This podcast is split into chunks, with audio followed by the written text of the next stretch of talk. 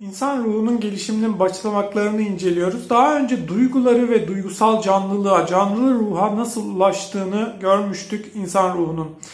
Daha sonrasında insanda bir bilincin ortaya çıkması çıktığını göreceğiz artık. Canlı ruh aşamasından sonra insan bilinciniyle karşılaşacağız ve bu bilinç kendi gerçekliğini zeka olarak, insan zekası olarak gösterecek. Bu önce öz bilinç olarak yani kendi içsel karakteri olarak insanın karşımıza çıkıyor. Yani insan çekinik bir ruhta olabiliyor, baskın bir ruhta olabiliyor ve bu bu aşamalarda, bu maceralarda hep bir içsel mutluluğu arıyor ama bir yandan da bir kuşkuculuk içinde, sonsuz bir arayış içinde.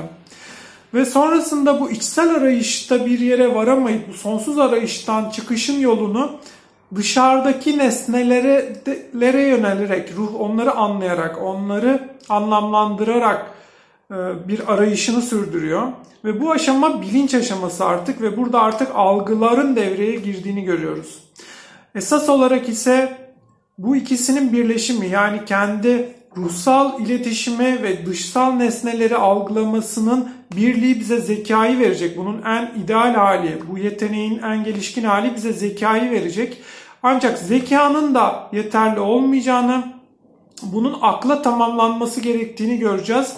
Zeki, zeka, ruhun zeka aşamasını incelerken. Şimdi bunun daha detaylarına da önümüzdeki videolarda gireceğiz.